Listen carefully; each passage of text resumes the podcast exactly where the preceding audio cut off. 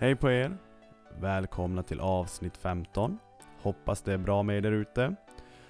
I det här avsnittet gästas jag av Ida och Viktor. Även känd från Unga föräldrar i TV4 och Mitt stora samiska bröllop.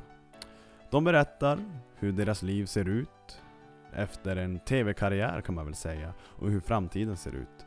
Vi pratar även psykisk ohälsa, deras erfarenheter och, och snubblar in på det ämnet. Mycket intressant och roligt att få höra deras resa genom, genom TVn och eh, framtiden. Så jag hoppas ni gillar det ni hör. Varsågoda! Shining bright.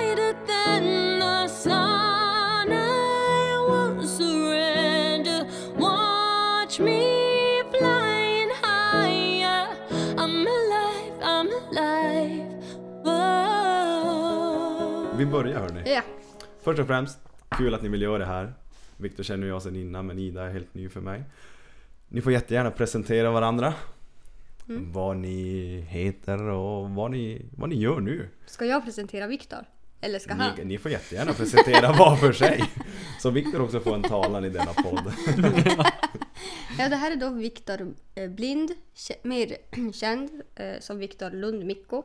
Precis. Men han bytte namn när vi gifte oss. Han är 29 år gammal och eh, är gift med mig. Och det här är Ida Kristin Persson Labba som inte vill byta efternamn. Jag tänkte just på det. Varför blev det just blind? Eller liksom, du heter blind, Jo, men du heter inte blind. Nej. Hur... hur, hur det är min farmor som hette jag tog tillbaka hennes efternamn. Okej, och du heter dina original från födseln? då? Ja, jag heter mina originalnamn. Mm. Och grejen var den, när vi fick barn så ville inte jag, eller då ville jag att vår dotter skulle heta Mikko i efternamn. Mhm. Och det vägrade Viktor. Och då skulle ju hon få mitt efternamn och då var det Persson. Då hette jag Labba Okej. Persson. Så då bytte jag från Labba Persson till Persson Labba. Så att Okej. hon fick Labba. eh, och sen gifte vi oss bara två år efter. Mm. Och då var jag ju som med på tåget att jo men jag byter till blind. Och så började jag tänka, fan jag har nyss bytt körkort, pass, allting. Mm. Jag vill inte göra det igen. Så det var det, där skon klämde? Nej. Att man behövde... Nej, men, och, och jag fick lite så här, eh, identitetskris. Jag bara, alltså det är ingen. Det finns inte en människa som kommer veta vem Ida Blind är. Det är ju ingen. Inte ens mina släktingar kommer ju veta vem det är. och liksom när man har sitt efternamn, i alla fall i det samiska, så är det så här. Då vet ju alla vems dotter jag är, till vilken familj jag tillhör. Och sen kommer jag som Ida Blind. Det, är ju, det blir ju en försvunnen unge liksom. Lite utfryst eller? Ja, lite så utanför. Vem fan är det typ? Och något jag också har tänkt på nu när jag, när jag sitter med er, ni båda är samer. Mm. Är ni det? Hur är det att växa upp som same? Jag tänker just, eftersom att jag då har växt upp liksom i vanliga, vad ska man säga, i Sverige och som en, som en svensk familj. Just det här med renar och det finns nå- något som kallas rensamer eller skogssamer eller fiskesamer. Mm. Hur är det att växa upp liksom, börjar ni från ung ålder då att, ja men kanske vara med på rengärde eller vara ute i skogen. Hur, hur är det att växa upp som, en, som same? Alltså, jag och Viktor har ju växt upp på två olika sätt skulle man kunna säga. Mm. Jag har växt upp med en pappa som var renskötare och där min mamma var den som drog in inkomsten. Och vi levde med renen. Det var renen som bestämde hur vi skulle leva, hur vi skulle bo, hur vi skulle flytta. Liksom, Om det var julafton och, och, och det var gärde, men då var det bara att glömma julafton liksom, och ta det dagen efter eller Ja. kanske året därpå. Ja. Och så, vi flyttade två gånger, eller ja, tre gånger per år. Eh, för att eh, följa med renen då. Mm. Så att jag har ju växt upp väldigt nära renen så. Där renen har styrt allting och där kärleken till renen har varit så stark. Mm. Så att eh, ingenting har liksom kommit emellan. Det har liksom varit förutspått för mig att jag, jag ska hitta en, en man som håller på med renskötsel för att det är det jag har blivit född till. Det jag har växt upp med. Alltså så här, jag, har, jag har liksom varit på den banan hela mitt liv. Eh, och, och du får väl berätta om din uppväxt. Jag är inte uppväxt i en renskötarfamilj, jag har ju tagit det. Men jag har ju varit på rengärden och haft, vi har haft någon ren och... Men sen eh, ärvde jag min eller jag köpte renar för några år sedan. Mm. Och då har jag börjat med renskötsel jag också. Hur funkar det när man köper renar? Köper du, går det som vidare i släkten? Jo, det var min farmors bror som gick bort och då fick jag bra erbjudande att köpa hans renar. Okej, och du tvekar inte? Nej, Eller blir det sådär att du känner dig skyldig att det ska som leva vidare inom släkten? Eller, Ja. hade, du, eller hade du bara låta kunna nå- någon annan köpa det? det är väl mest intresset som styr Ja, vad man vill göra så. Och jag har alltid haft intresse för renskötsel okej. Och det är ju jättemånga, ja det är ganska många år sedan jag har fått de där renarna, eller köpt de där renarna. Och sen också Ida, när du säger att man, man flyttar som efter renarna, kan man förutspå vart renarna drar? Ja men alltså vi flyttade ju till samma ställen varje år. Först Okej. var det ju då eh, till vinterbete och då flyttade vi till, till liksom en by mellan, eh, hur ska jag förklara, Östersund och Sundsvall. Liksom. Mm. Och sen, på, eh, sen mot våren flyttade vi tillbaka upp till Gunnarvattnet där vi bodde. Eh, som ligger typ 14-15 mil nordväst om Östersund. Mm. Och sen hade vi kalvmärkning och då var vi där hela somrarna fram till skolan började. Mm. Och sen då, ja så var vi där på, i, i Gunnarvattnet fram, fram tills vi flyttade igen då, under, efter skilningen. Mm. Eh, så att det var ju verkligen, vi bytte skola två gånger per år. Och Okej. just de här vinterbytena var ju väldigt, det var ju lite olika Mm. vilken skola man hamnade på och så. Så att det var, det var lite olika. Så att jag är, jag är en sån här nomadtjej. Jag, jag blir lite rastlös än idag Mm. av att bo på samma ställe för länge. Då kan jag bli såhär, Viktor ska vi inte flytta lite?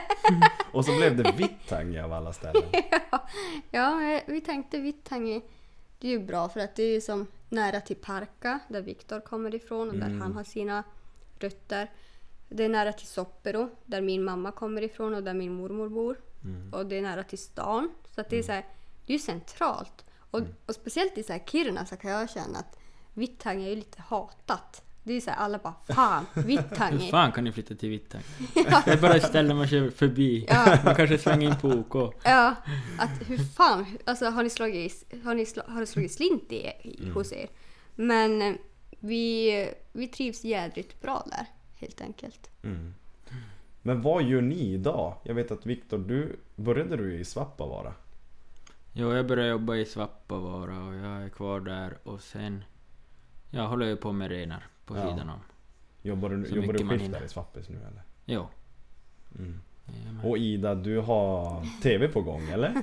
Jag är så här, jag bara, vad, vad håller jag på med? Jag vet inte själv heller vad jag sysslar med. Mm. Men det har ju blivit ganska mycket tv-projekt och så efter Unga föräldrar och vårt stora samiska bröllop.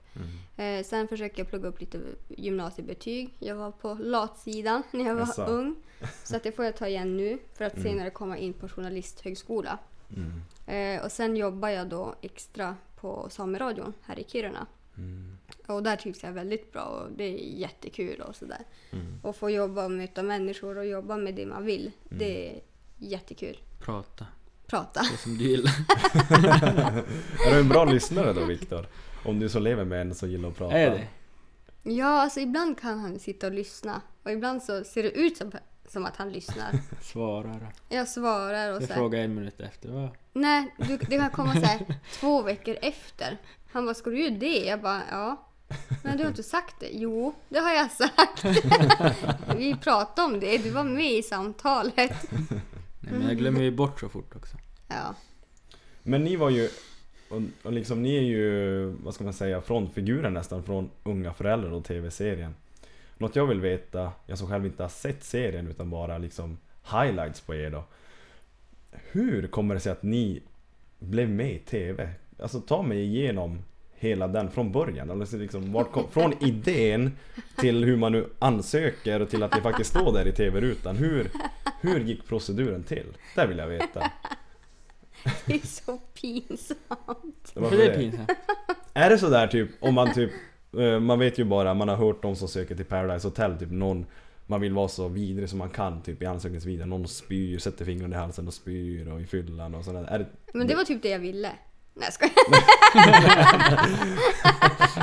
Nej men, nej men. Här gällde det att vara så fin som möjligt i ansökningsvideon. Gå med sin dotter där. Men det var ju så här. Eh, jag var mammaledig mm, och då kollade jag på Unga föräldrar hemma medan Viktor jobbade. Jag var ju jättemycket ensam och så här. Ja men ingen kompis hade barn. Alla kompisar levde ju sitt liv som vanligt som jag levde innan. Och till slut så, jag, jag fick som en chock liksom för vad småbarnslivet innebar. Så jag kollade väldigt mycket serier och TV medan jag satt där och ammade. Så hittade jag unga föräldrar och så satt jag hos mamma på toaletten och hö- höll på med telefonen och så såg jag så här, ansök till unga föräldrar, vi behöver nya familjer. Jag bara okej, så skickade jag in en ansökan. Jag sa ingenting till Viktor. Eh, sen så ringde de och pratade lite med mig och så här och, och jag sa ingenting till Viktor. så säger de att ja, men kan du skicka in en så här ansöknings... Eller en, eh, en video när ni presenterar er själva och liksom förklarar vad ni gör och liksom så här, lite vloggkänsla. Mm. Jag bara, hur fan ska jag få med Viktor på det här på ett bra sätt? och då skulle vi iväg och mata renar, kommer du ihåg det? Mm. I Soppero med Elina, med min lilla syster. Så bara, det var 30 grader kallt, telefonen skulle dö när som helst. Så jag hade ju jättebråttom. Och jag bara, och det var inte så ljust ute eh, så länge.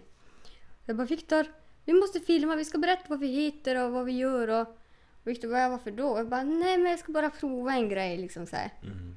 Ja, han filmade på, vi svamlade på där och han visste inte vad det skulle till. Sen så skickade jag in det där och sen gick det några veckor jag hörde ingenting. Mm. Och så ringer de och bara Hej! Vi vill ha med er. Det är självklart, ni ska vara med Unga föräldrar. Så säger jag det till Viktor. Jag bara TV4 hörde av sig, de vill ha med oss Unga föräldrar. Och Viktor bara Helvete heller! Är det första reaktionen? Liksom? Ja, det händer inte. Jag ska inte hålla på och filma mig själv. Fy fan vad pinsamt. Vad fan ska vi prata om? Nej, aldrig. Att du får vara med själv. Jag bara, ja men det kan jag ju vara. Men då säger jag att jag är ensamstående mamma. Bara, Men Jag måste gömma mig. Varje Victor- gång du tar fram kameran. och Viktor bara, ja nej men det går ju inte heller. Det blir ju jättekonstigt. Mm. Så han eh, blev ju som intvingad i det där. Det tog två veckor för dig att övertala mig. Ja, det tog, det tog eh, Minst. ett tag. Ja. Mm. Och så skickade de upp en kamera. Och då var Viktor på väg på, en, eh, på sin årliga grabbresa Mm. till Umeå. De skulle spela innebandy. Och jag bara... Ja, men då skickade jag med kameran Mm. med grabbarna. Och det var ju... Viktor tyckte det var så pinsamt. Kan du inte berätta om det? Jo, jag sa inte till någon att jag filmade till unga föräldrar. Men Mm. jag filmade där lite grann.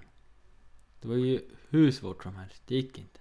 Obekvämt? Ja, eller? obekvämt. Riktigt obekvämt. ja. Och så tittade jag på de här klippen när han kom hem därifrån. Då har han gått och gömt sig under en trappa där han sitter och, och pratar. Jag fick inte säga heller. Nej. Alltså, så Det var så han, obekvämt alltså. och så var han ju säkert bakis och du vet, Mm. så här, han mådde inte så bra. Och så bara, här sitter jag, har jättekul. Och jag tänkte, jag, bara, jag kan inte skicka in det här. det går ju inte. så det var, det var svårt i början. Mm. Men det var så Sen det gick gick vi till. på stan en gång, kommer jag ihåg. Ja. Och så hade någon kört förbi oss. Mm. Och de hade tyckt det var så jävla konstigt att vi håller i en kamera, filma oss själva. ja. Och vi fick inte säga till någon att vi Nej. höll på att filma. Vi fick inte berätta någonting innan det skulle sändas Ja, det var så. till någon. Okej. Eh, så det var ju lite så här, folk, vi, var ju, vi filmade ju när, när vi gick på Coop, på matbutiken och folk bara alltså Ida och Viktor de har fått hybris. De, de filmar sig själva. Alltså, Ja, de filmar när de köper mjölk. De har ju blivit knäppa. Och Ida måste ha fått någon förlossningsdepression eller någonting. det har slagit slint. Så det var, ni spelade in avsnitten som själva? Ja. Utan att liksom tv-teamet var med er? Mm, vi filmade allting själva. Vi, de hade som regel att vi skulle filma minst 10 minuter varje dag. Så att de har material att klippa i. Och då kom de ju upp några gånger per säsong och gjorde synkar. Så att eh, allt som filmas har vi filmat själva. Och sen filmar de liksom synkarna. Alltså när vi sitter och pratar de här Ungefär som intervjuerna. vi är nu. Ja. Ja, precis. Okej, ja. Mm. Eh, så, så det var så det gick till. Och medan de kom upp och gjorde de här synkarna så filmade ju de här, de gjorde såna här, vad heter det?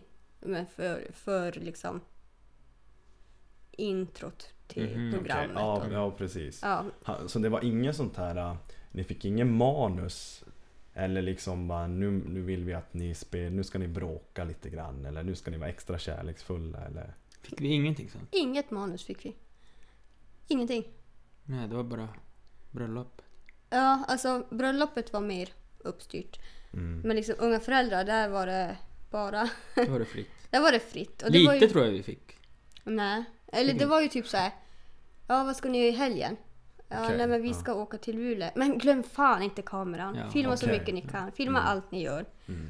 Alltså om vi skulle göra något speciellt då var det så här, filma allt. Mm. Inte bara 10 minuter. Filma allt. Okej. Eh, men, och det var ju svårt i början. Men då sa de att Alltså, efter ett tag så blev vi så bekväma så då sket vi ju i vad vi skickade in. Mm. Och det, då, det är ett bra exempel på det, får jag berätta det? När du friade. Ja. Det var så här, Han friade ju i smyg och det hade ju han planerat tillsammans med TV4 bakom min rygg. Mm. Och då var vi i Stockholm och eh, var på spa. Och då hade vi så här massage. Att först skulle han masseras och sen jag. Och jag satt ju och väntade på han medan han var där. Mm. Eh, men han, när jag kommer ut från min massage då är han borta. Då har han gått därifrån. Jag bara, "Ja, schysst kille, här har vi en romantisk stund. Och han har stuckit till hotellet. Att fan vad dryg typ. Mm. Eh, och så tittade jag på det här materialet efter. Alltså, för det var jag som skulle skicka in allting. och då, medan jag har varit inne på massagerummet så har Viktor stått inne i omklädningsrummet och filmat sig själv när han berättar hur det känns när han snart ska fria. Han ska iväg till hotellrummet och fixa ljusen och champagnen och göra allting färdigt. Men grejen är bara att när han filmar sig själv så är det en stor spegel bakom honom och han är helt naken. Det var flera speglar så man såg hela Ja det, paketet. ja, det var ju så här, speglar från alla håll. Och han tänker inte på det. Så att när han berättar om när han ska fria då ser ju TV4 hela allting. Så att det fick ju han filma om sen när han... Eller om Kunde de de, inte bara... Jo men jag tror de blurrade lite och sådär. Ja, jo, jag tänker att det borde ju bara gå att göra det. Ja, ehm, så att det är så här, en sån situation där, där det glömdes bort helt att, att vi filmade. För till slut så, Ja. så filmade vi ju allt vi gjorde och då var det sådär, ja men I början var, det så här, var jag så här, "Gud, jag måste sminka mig, jag måste fixa mig. Och sen så här, när det började gå några veckor och bara fan nu tror ju alla att jag jämt går i samma kläder. alltså ja. då, så här, då var man helt obrydd. Och sen första gången vi skulle kolla på det där, då var vi också dö nervösa minst. Ja. Då var man nästan mer nervös än när man var och filmade. Ja. Så ni, ni fick aldrig se på materialet före det sändes? Nej. Eller, Ingenting? Jag fick se innan eh, avsnittet om, om min pappa då, som sändes. Okej. Eh, ja. Då fick jag se innan. Mm. Men ingenting annat fick vi se. Men frieriet du planerade med TV4 bakom, hade ni då redan planerat mitt stora samiska bröllop? Alltså liksom, eller sa du åt TV4 Hörni jag vill fria till min flickvän? Eller sa de åt dig, hörru ska du inte fria? Nej men så här var det att Ida hade tjatat i kanske någon månad, typ. Ja, varje gång vi gick förbi en smyckesbutik så Mhm, sa mm. hon Kan du inte köpa den där ringen? Ja, Ungefär. Ja, då tänkte jag, jag friar till henne. ja. Och de hade väl hum om, ja de hade ju sett, de hade ju spelat in program, eller klippt, klippt en program. Mm. Så de, de var väl också lite på mig att jag skulle fria. Ja de var det. Ja. Men... Ja, på den resan var det. Ja. Ida ger så, ger så söt reaktion på ditt frieri. Men är du seriös? Men Vicke! Men det var ju så här helt o... Det var ju så konstigt allting innan. För han höll ju på att smussla med sin telefon. Jaha, Han var borta mycket och han var så här, han pratade i telefon i smyg och så här. Han hade så mycket konstiga saker för sig. Och, jag har alltid liksom haft fri tillgång och liksom så här, ja, men, kolla hans Insta och så här. Och Ja, helt plötsligt så bara satte han skärmlås på telefonen. så att jag började ju tänka, så, ja han kanske är otrogen då. ja precis. Liksom så här, det var ju det jag tänkte, inte att han skulle fria. Mm. Så att när han friade så var det ju väldigt... Men programmet, det här andra programmet var inte... Nej, Nej, det var, alltså, nej, det var eh, programmet efter mitt samiska, stora samiska bröllop, det var ju inte planerat där och då. Nej. Mm. Utan det var ju någonting som kom långt senare. Mm. Hur, hur långt kom det här bröllopet efter ert sista avsnitt i Unga Föräldrar? Ni var med två säsonger. Mm. Mm. När kom det sa, bröllopet upp på tal? Eller liksom kände att nu ska, nu ska vi göra TV av det här också? Det var... Det ett halvår kanske? Ja, men Viktor friade i oktober 2016. Vi gifte oss oktober 2017. Mm. Eh, men det Och vi började ju... spela in redan i juni kanske? Va? Nej, gud. Till bröllopet? Nej, men gud nej. Eller Nej. ja, vi själva började ju... fira. Alltså, de ringde i januari redan. Och det var så här typ dagen efter att min morfar hade gått bort. Och ringde och bara, ja men hej, det är inte så att ni vill gifta er va? Har ni, har ni, har ni tänkt på att gifta er kanske?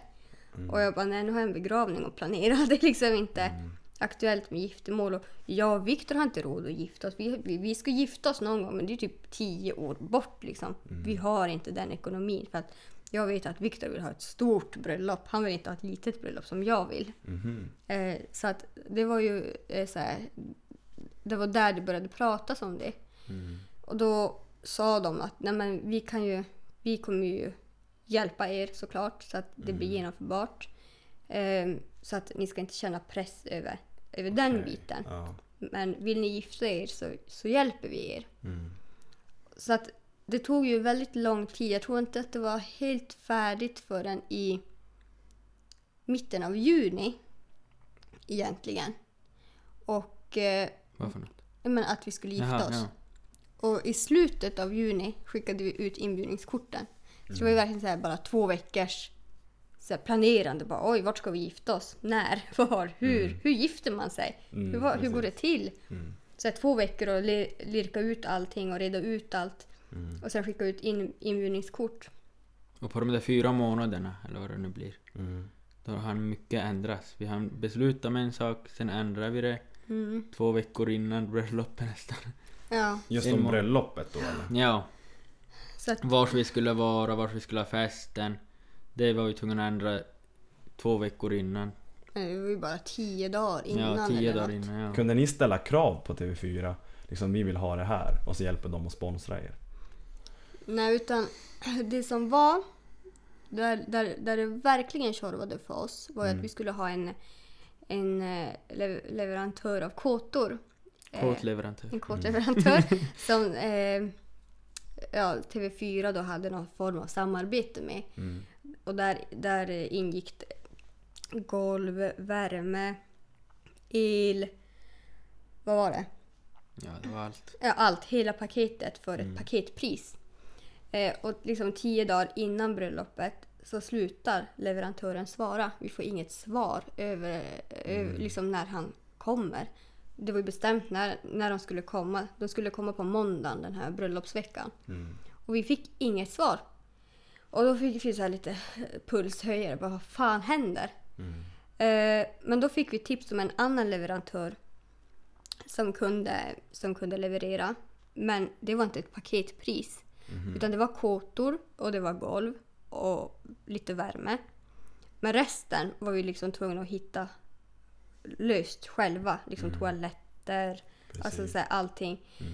Eh, liksom lastbilar som kan frakta. Alltså allting var vi tvungna att reda ut själva. Och det var ju mycket dyrare. Mm. Så då var det så här, då sa vi till TV4, vi bara så får inte vi hjälp med det här då måste vi Ja. ställa in bröllopet tio dagar innan. Mm. Och det var så här, de, de hade redan kommit upp till Kiruna då och börjat filma för vårt bröllop när det här hände. För vi satt på safari då, kommer du ihåg det? Och bara shit, helt plötsligt hade vi ingenstans att vara. Bara där har vi flera hundra gäster, en hel liksom all, allt är klart men vi har ingenstans att vara. Vad gör vi nu? Vart ska, vart ska vi äta? Vad, vad händer? Mm. Så att där, där ställde vi krav. Att vi måste få hjälp. Så att då tog Mm. faktiskt TV4 den, den bollen och Mm. eh, fixade ihop allting. Så att vi inte behövde ta alla lösa trådar och knyt, knyta ihop dem själva. För det Jo. hade ju inte vi fixat. Men jag tänker just när man ska gifta sig, nu vet ju inte jag hur det är men liksom ni har där, det ska filmas, alltså liksom man är nervös och liksom det är så mycket känslor och tankar. Och sen eh, tio dagar innan så bara, alltså det känns som att ni måste ju på något sätt fokusera på hur ni vill ha det. Istället för att ringa runt till alla leverantörer. Jag vet att de på jobbet frågar, du måste fråga Viktor hur det går med den där kåtförsäljaren. och det var då till bröllopet alltså? Ja. Ja. Nej men så jag tänker just att hur ska ni kunna fokusera på att styra upp bröllopet eh, och, och samtidigt liksom fundera hur ni ska ha det? Så det, det känns som att det måste ha varit hur typ, jobbigt som helst just där. Tills Ja. TV4 säger att ja men vi löser det. Ja, alltså det var fruktansvärt. Och där började våra sömnproblem. Jo för ni sa ju ja, i, TV, i morgonsoffan också att ni har inte sovit på ganska länge. När ni var i TV. Ja, och det var ju så här, men det var ju så mycket som skulle fixas. Bara det att, för vi hade spis som eh, fixar maten. Mm. Och då var det ju så här, ja okej, vart ska alla kockar sova?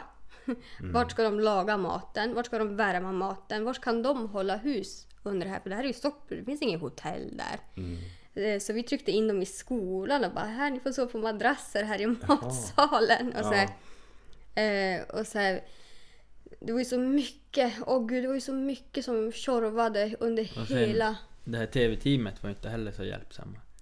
När de höll på att vika servetter. Då Men hade det, de vikt kanske 50 servetter. ja, Och så fick de inte med det på film eller någonting. Och Jaha. så sa de, men kan inte vika om något? Eller kan inte vika om servetterna? jag kan inte börja om så får vi se liksom från början till slut. Mm. Men det var så här, Det var mycket sånt, mycket omtagningar. men, men, och det Det var var ju så här, jättestressigt. men det var ju så här, bröllopsveckan började på måndagen. Mm. Och då var det ju k- sagt att då, bör, då sätter vi upp kvoterna på måndagen för det behövdes ju, jag tror, hur många personer som helst för att lägga upp de här kvoterna. Mm. Och vi var ju tvungna att fixa personal själva så vi fick ju så här skrapa ihop bybor och folk från Jokkmokk som kom och byggde. Nej, de var ju anställda. Ja, de var ju redan anställda. Och Men sen, vi skrapade ihop två stycken och sen fick vi... Eh, ja, men, kvoterna skulle sättas upp på måndagen så att vi hade tid att dekorera och allt. För jag är ju så här kontrollfreak. Jag ville ju att det skulle vara fint. Jag ville ju inte att det skulle vara så här tältkänsla där inne. Mm. Ja. Eh, och jag hade ju en bild i huvudet för hur jag ville att det skulle se ut i kvotorna. Och eh, då kom kvotorna först på onsdagen. Mm. Och det här tog ju en hel dag för dem att lägga upp. Så på onsdag kväll fick vi tillgång till kvotorna. Och då skulle vi ställa alla bord, hur vi ville ha dem och liksom fixa varstans. Alltså hur, hur allting skulle vara. Liksom själva strukturen där inne och baren, hur, hur vi ville ha den och sådär. Eh, och samtidigt skulle SPIS eh, få säga till hur de vill att mat, eh, för, logistiken skulle gå till. Precis. Eh, och eh, ja, då hade vi först, vi, vi var typ fem stycken som höll på. Och sen insåg vi på torsdag att vi behöver ju kalla in hela byn för att det här ska gå ihop. För att vi gifter oss på fredag morgon. så att den natten höll vi på fan hela natten. Så, och jag var så stressad då så att jag spydde av stress. Alltså, jag, jag, var så stressad och liksom så och då hade vi ett filmteam som hade följt oss i två veckor. Och det var ju samma filmteam som hade varit med under Unga föräldrar. Och de kände vi ju väldigt, väldigt väl under den tiden. Det var ju som kompisar. Det gjorde ju ingenting att de var där. Och så kommer ett filmteam från ingenstans. Så här, jättemycket folk, jättemycket lampor. De hälsar inte ens när de kommer in. Jag bara, vet de ens att det är jag som ska gifta mig? Alltså, vilka är det här? Ja. Och så kommer de in och bara ber de här tjejerna att börja vika om servetterna. Och jag har varit då, där brände mina säkringar. Så jag bara, ni går ut härifrån. Ut härifrån. Då jag skickade ut dem och bara stängde igen. Bara, ni, det är bara det här andra filmteamet som får vara här inne. Ni får vara med i kyrkan. Ni kommer inte in här innan det här är klart. Så då skickade jag ut dem. Eh, och det var...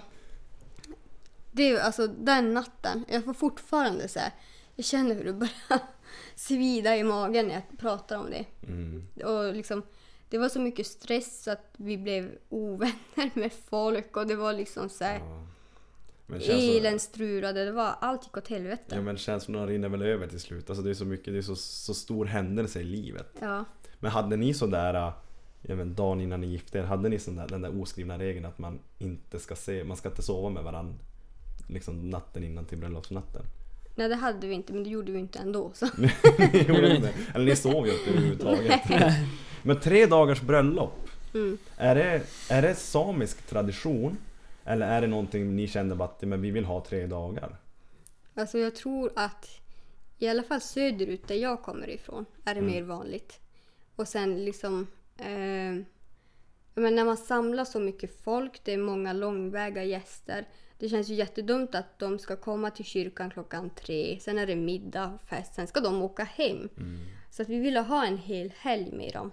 Så att vi får träffa dem och liksom, man hinner prata med folk man inte har träffat på länge och man hinner, man hinner ta ikapp och man hinner njuta lite. Mm. Men 350 personer, var, liksom, och mest av dem var släktingar då eller? Ja. Det känns som att jäklar vad stor släkt ni har. Men det var ju också, alltså nu när man tänker efter, det har gått två år. Ja, Då är det så här, om man hade ju velat bjuda så mycket fler folk. Man hade ju velat, ja, ja det, alltså man, man har ju lärt känna mer människor. Man hade ju velat, Mm. man hade velat ha det mycket Vi Alltså- kan gifta oss igen. Nej, det jag har sagt. Jag tänker aldrig mer gifta mig. Aldrig. Det händer inte. Och då hade vi hela den här bröllopsveckan var ju så hektisk. Bröllopet tog slut på... Jag tror gästerna, sista gästerna for från bröllopet på söndag morgon klockan åtta. Halv nio på morgonen. Mm, det var samma på lördag morgon. Ja. Var vi kvar till... Vi var kvar till sex båda dagarna. Ja. Sex på morgonen alltså. Ja, Och vi, vi hade ju så kul. det var jättekul. Och så, så hade jag inte sagt till Viktor att vi skulle vara på Nyhetsmorgon på måndag. Du gillar inte att säga saker till Viktor. Nej, för att, Nej, men för att jag vet att han, han, det blir så stressmoment för honom. Ja, jag blir lite obekväm. Ja. Mm. Eh, Så att på söndag skulle vi börja riva ner de här kåtorna och städa allting. Mm. Och det var ju så här lite, det var ju en sorg. Alltså att man har haft Mm. så kul och sen så bara är det helt dött. Alla har Ja, åkt det och det är så här, ja. Det var helt, hela Soppro blev ju tömd på folk. Mm. Alltså, vi, vi ökade ju Soppros befolkning med ganska många procent. Och så, och så, ja men sa jag till Viktor, ikväll ska vi till Stockholm. Han bara, va? Till Stockholm? Vi har jättemycket tårta att äta. jag bara, ja. Bara, vad fan ska vi göra i Stockholm? Jag bara, imorgon klockan åtta ska vi, eller nej, halv åtta ska vi vara på Nyhetsmorgon. Och hur reagerar du då Viktor? Jag minns inte. Minns du? Ja, Du vart ju sur. Hörde du? Ja. Men då, då var det ju så här, ja men TV4, man fick ju ställa upp för dem när de liksom hade ställt upp för oss. Ja men det känns också som att ni ändå, ni har ju blivit lite av profiler, TV-profiler. Mm. Och, och vad jag vet så är det väl inte så många från just, ja men med samisk på, påbrå som är med i TV och liksom från norra Sverige. Mm. Ni blir ju som extra speciella känns det som. Eftersom att ni är så unika i TV. Har ni, har ni känt någon typ så här att, att just ni var typ favoritparet i TV? Är det mycket folk som hör av sig? Eller liksom typ att man blir igenkänd på gatan liksom för att ni har varit med? Ja. Men du själv personligen kände ju att det är ingen här uppifrån som söker tunga föräldrar. Mm. Det var ju ingen, det var ju Det är bara, bara stockholmare, alltså stadsbor som lever i staden. ja, att, att det, det var det där man ser livet. Att man ser aldrig om hur livet är här uppe för oss som bor här. Mm. Kan det inte söka någon? Det var därför jag sökte då. Mm. Och då... Ja, nej, men det var ju just då när det sändes och då, då var det ju sjukt mycket. Alltså, alltså då var det ju verkligen varje gång man for någonstans eller vi var på en matbutik i Luleå en gång så kom personalen och bara Yes. Det är ju ni! Det är ju ni! Jag blev så här helt... Och sen när vi åkt, var i Till Stockholm. Stockholm, där var det ju värst. Ja, där var det ju värst. Där var det Asså. alltid... Det kom ju jättemycket folk fram och pratade och ville ta bilder och liksom så här. Mm. Och sen hör man mycket viskande av små tjejer. Såna här Mm. 14 års, 14 års tjejer. Jaså, är det dig de är ute efter Viktor? Ja, det verkar som det. Jag hör alltid dem viska. Ja. Och det är också, för det finns ju kvar på nätet nu. Så att det är ju Ja. också, än idag här i Kiruna, speciellt små tjejer som kan bli helt så här till sig. Ja. Vi var på Björkis och skulle köpa hundgrejer. Och så kom det en tjej, hon bara skakade och var jätteglad. Hon bara No. Får jag ta en selfie med dig? Jag bara, "Ja, ja, visst får du väl det. Så att det, ja, det, just där och då när det sändes, då var det väl mest. Ja. Men har det påverkat er, era personligheter någonting? Har det stigit er åt huvudet? Att liksom vara med i skärmen där hela Sveriges befolkning kan se er? Eller känner ni att ni står med båda fötterna på jorden ändå? Ida ska Och- ställa upp i allt. Precis allt hon blir Är det så? befrågad. Ja. Även Paradise Hotel. ja, jag hade garanterat sagt ja till det. Nej, men jag känner ändå att vi har ju varit, vi har ju bara varit oss själva. Hela Ja, ja, det tiden. är klart. Eh, vi har bjudit på både högt och lågt, Mm. väldigt privata saker och varit öppna om allt. Och det tror jag också är inte så många som är det. Mm. Att, att eh, tittarna har fått en hög igenkänning och de har fått två tv-profiler som är väldigt ärliga och som är väldigt Mm. Ja men som säger som det är, som inte hymlar om någonting. Men Det är ju lite oss här uppe från, från, från, från Norden eller norra Sverige. Vi är ju väldigt raka. Alltså generellt i, i allmänhet. Och, och sen när, när liksom klippen som finns på Youtube när du öppnar dig om, om din pappa till exempel. Jag tror att på något sätt så berör ju du med din berättelse. Mm. Medan skärmtrollet Viktor sitter och... Han tar det, du tar det mesta med klackspark Ja. känns det som. Ja. Men det var där, efter avsnittet med min pappa, Mm. det var där det verkligen vände. Alltså där, herregud vad jag fick telefonsamtal, jag fick sms, jag fick mail, jag fick, alltså folk tog kontakt på alla möjliga sätt. Eh, och eh, där de liksom berättade att de, de kände igen sig, att det, det var så skönt att jag tog upp det och, och att jag pratade om det. Eh, för att, de, då, att, att om jag liksom avtrubbar, liksom, alltså om jag inte neu- neutraliserar alkoholism så, så blir jag som en förebild för andra. Liksom. Men när vi ändå pratar om det som att det är, jag vill ju lära känna er på djupet och att vill ni öppna er om, men som i ditt fall då, om den här händelsen, om din pappa. Så liksom, hur har er relation sett ut? Om du liksom bygger på det som du säger i TV om din pappa. Hur, hur, är, hur har sitsen varit? Ehm, ja, vi bodde ju tillsammans med pappa fram till att jag var 15 år. Så det var ju en väldigt lång tid av mitt liv. Och eh, eh, han är väldigt sjuk i sitt missbruk.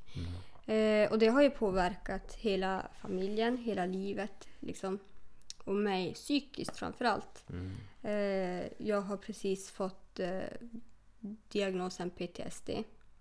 Eh, på grund av händelser eh, från barndomen.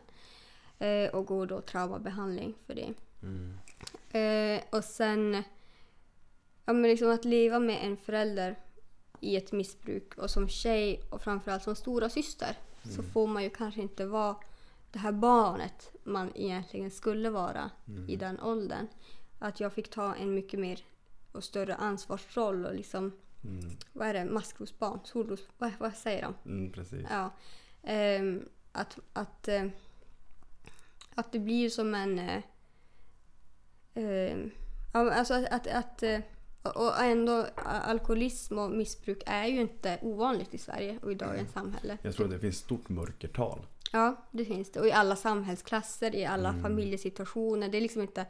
Folk tror att en alkoholism är en A-lagare som sitter utanför Precis. systemet. Mm. Medan det kan vara en, en, en man som, eller man, en, en person som eh, har ett jobb, som, som Mm. har en hög status i samhället, som har bra pengar, som har liksom, det kan vara vem som helst. Mm. Eh, fast att det med tiden då kan gå käpprätt åt helvete. Men när du måste gå liksom på traumabehandling, är det då händelser som har hänt? Eller är det bara det här ständigt leva med den som är alkoholiserad? Ehm, alltså den här traumabehandlingen jag går eh, är ju ögonrörelseterapi. Okej. Eh, och eh, där tar de fram händelser och liksom väcker mitt minne eh, med ögonrörelse. Alltså såhär, hur ska jag förklara? alltså såhär, eh, händelser som jag kanske har förträngt och som eh, tar upp gamla minnen som, som jag har förträngt. Mm. Eh, så att det kan ju vara mycket som kommer upp till ytan och mycket som...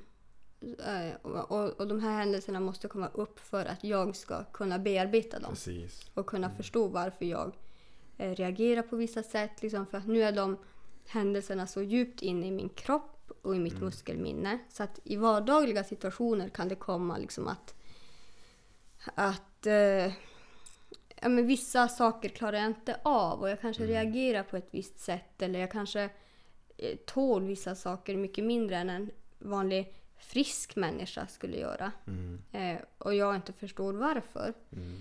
Eh, och då Eh, ja, men just det här att de, de tar fram liksom att ja, men det är därför Mm. eh, du reagerar så. För att Mm. du har varit med om det här.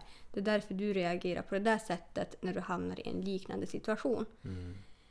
Eh, så att, men har, en, nu har jag bara varit på en sån här eh, behandling. Mm. Eh, jag ska dit senare i vår och då får vi se vad som händer då.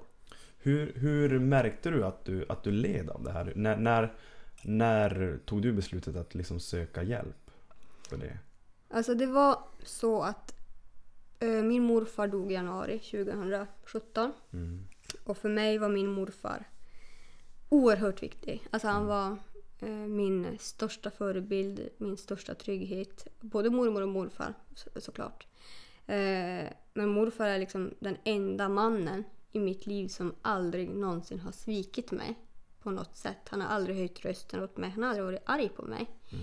Eh, och han har alltid funnits där och, och liksom varit med mig genom allt i livet.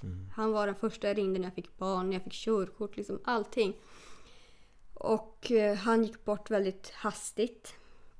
Så att det var en, en chock när han gick bort. Eh, Han, han var inte sjuk eller något utan han bara dog. Han försvann bara. Och där, när vi gifte oss, då fanns det inte så mycket utrymme för sorgen. Det fanns inte så mycket utrymme för att sörja och förstå att han var borta. Så att efter bröllopet, våren 2018, så började jag känna att jag är inte mig själv. Det är någonting som inte stämmer. Så jag blev fruktansvärt dålig. Alltså jag blev jätte, jätte, jätte, jätte dålig. Jag eh, eh, liksom började skada mig själv och jag, eh, jag, alltså jag betedde mig på ett sätt jag aldrig hade gjort förut. Och jag, jag eh, det, slutade, det slutade i alla fall med att jag fick läggas in i Gällivare på psykiatrin. Och där fick jag ju så att de bara, men du är i en livskris. Liksom, sa de. Och jag Ta, bara, ta medicin. ja men ta mediciner så går det bra. Mm. Men jag ville inte, jag ville inte ta några mediciner så jag, ja, men jag åkte hem därifrån efter en vecka. Och eh, efter det så, ja men då blev jag lite bättre och sådär. Och sen började jag känna igen att, att det liksom, saker och ting börjar bli jobbigt och jag, jag blir väldigt arg. Och jag blir inte arg utan jag blir förbannad och så arg att jag kan svimma. Och väldigt ledsen. Och då blir jag inte lite ledsen utan jag blir så ledsen så att det känns som att allting bara ska... Som att jag ska gå, gå i tu. Så att alla känslor jag fick blev väldigt, väldigt starka och väldigt, väldigt tunga att bära. Och något jag tänker på när du berättar här, det är att du är ju mamma under tiden. Ja. Och det var jobbigt. Vi hade det sjukt jobbigt. Och det var... Det är ju klart, Viktor fick ju ta en, en väldigt stor roll. Mm. Både i hemmet och som förälder och som min partner då. Har ni någon gång, alltså har du alltid varit öppen när det kommer till de här sakerna till Viktor? Ja, ja, ja det Så har att jag. Viktor är liksom medveten om vad det är som sker. Ja. Att nu kanske Viktor får börja vara lite hemma, ta hand om Mm. barnet. Ja, det var ju... Men som förra våren då, när jag blev sjuk igen. Så kände jag liksom, för då hade det gått ett år sedan jag var i Gällivare då. Och jag började känna igen de här tecknen liksom, i humöret och liksom den här känslan. Min sömn började svikta och liksom... Eh, jag, jag var mer vaksam. Så då ringde jag till Sanks i Karasjok som är ett samiskt... Förlåt kompetenscenter för, sa- eh, för psykisk hälsa. Ehm, och tog kontakt med dem. Och det var där de började prata om att det måste vara djupare saker som har hänt i mitt liv som kommer nu. Eh, så att det var faktiskt igår jag fick veta att jag har PTSD. Ja. Eh, och ehm, ja, alltså att eh, Och det är post, posttraumatisk stress. ja, stresssyndrom. Mm.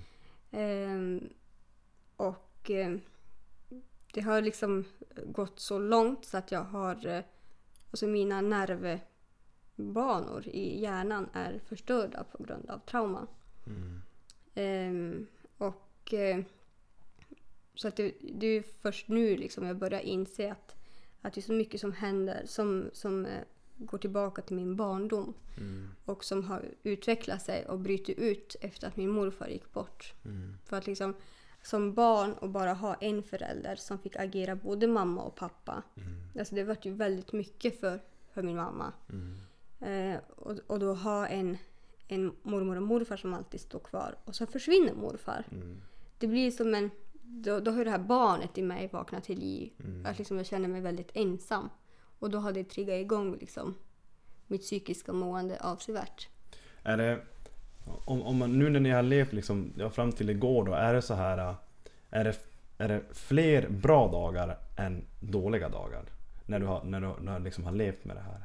Ja, alltså nu vet man ju vad det är och vad det Ja. handlar om. Och, och Viktor har ju också, när jag har varit till Karasjok och, och fått terapi och behandling, då har ju Viktor varit med och fått förklarat, alltså de har liksom förklarat för honom hur, hur det fungerar, hur, hur jag fungerar, hur min hjärna fungerar och hur...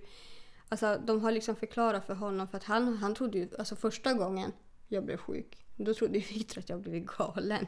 Ja Alltså, men jag tror att det är svårt att liksom kunna Ja men som en, om man nu inte är påläst liksom, vad är det som händer med min flickvän? Mm.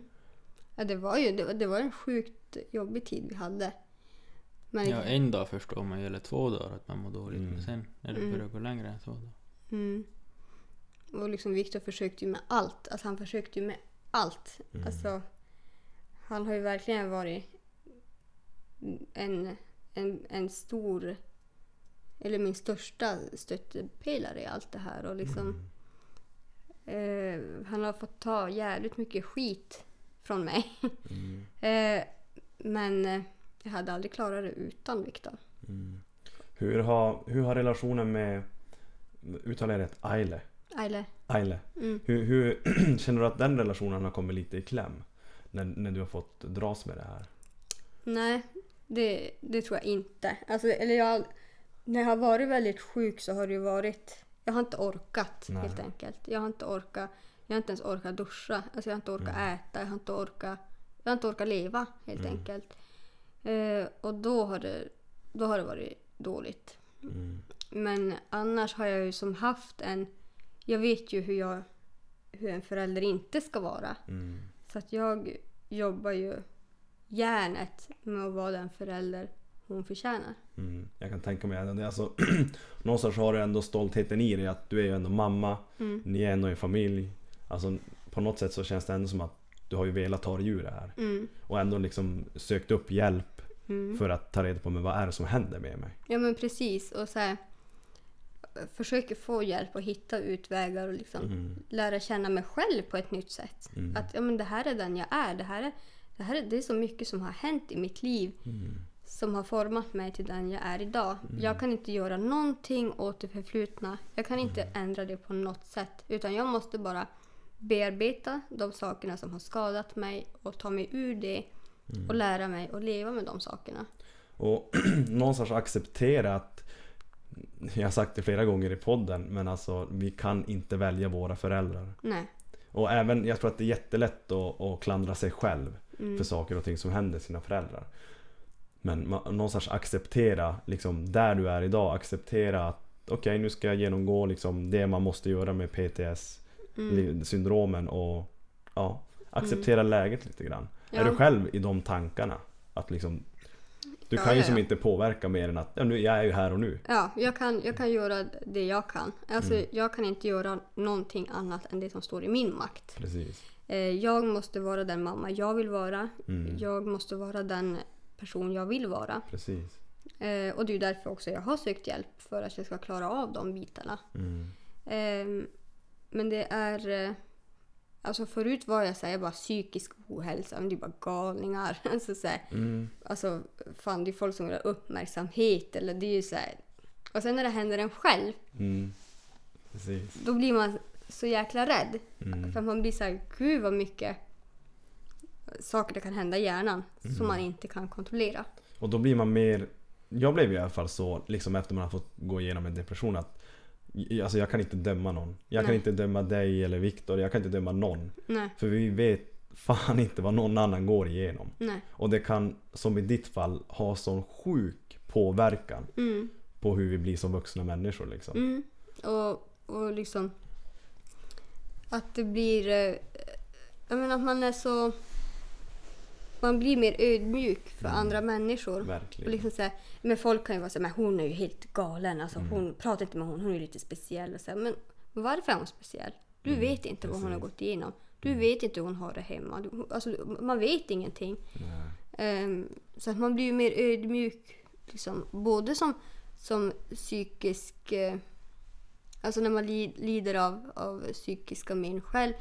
Men även som anhörig till någon som är sjuk. Verkligen. Eh, att man, man blir mer ödmjuk. Mm. Och det som är så jäkla bra, det är att man vågar öppna sig. Mm. Hur känns det för dig? Känns det bättre när du pratar om det? Alltså för mig är det fortfarande ganska nytt. Alltså Ja. så här, som PTSD, jag har ju inte en aning om vad det är Nej, egentligen. nu är det Google hemma i några kvällar. ja, men jag låg och googlade igår. Jag bara, vad är det jag har egentligen? Vad är det som händer? Ja. Men... Ja, men Jag just... frågade ju dig igår när du fick reda på det om du tycker det är skönt att du fick reda på det. Ja, Du, sa- du var tveksam ja, just då, men idag sa du att det var skönt att... ja, men låter det lägga sig kanske? Mm. ja, men precis. Ja men som att kanske, okej nu vet jag vad det har varit för fel. Ja. ja.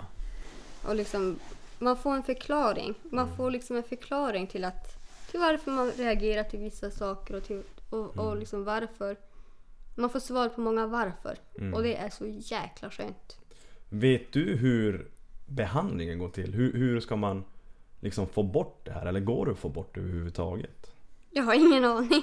Vi är inte där ännu. Nej, men jag tror att jag kommer få fortsätta gå med den här ögonrörelseterapin. Mm. Men jag var ju så pass dålig eh, förra sommaren att det pratades om ECT. Alltså eh, lobotomi ska jag säga. Ja, alltså elek- så här, eh, elektricitet. el. Ja.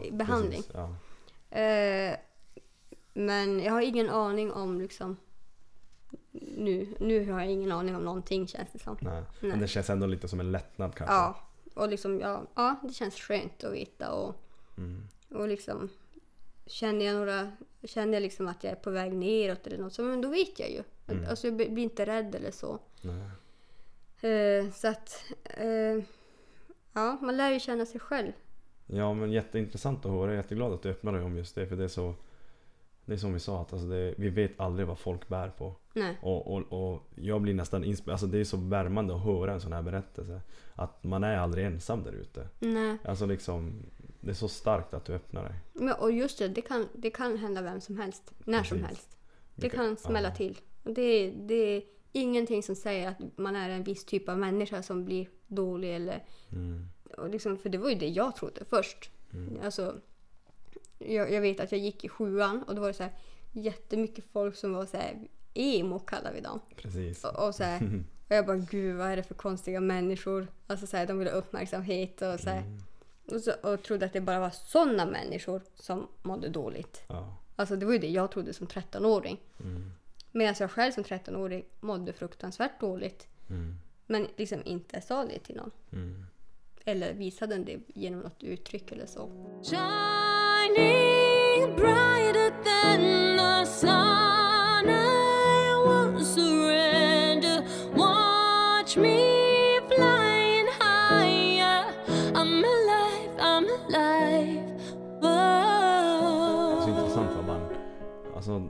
kan bli så klok med åren. Det är så himla härligt.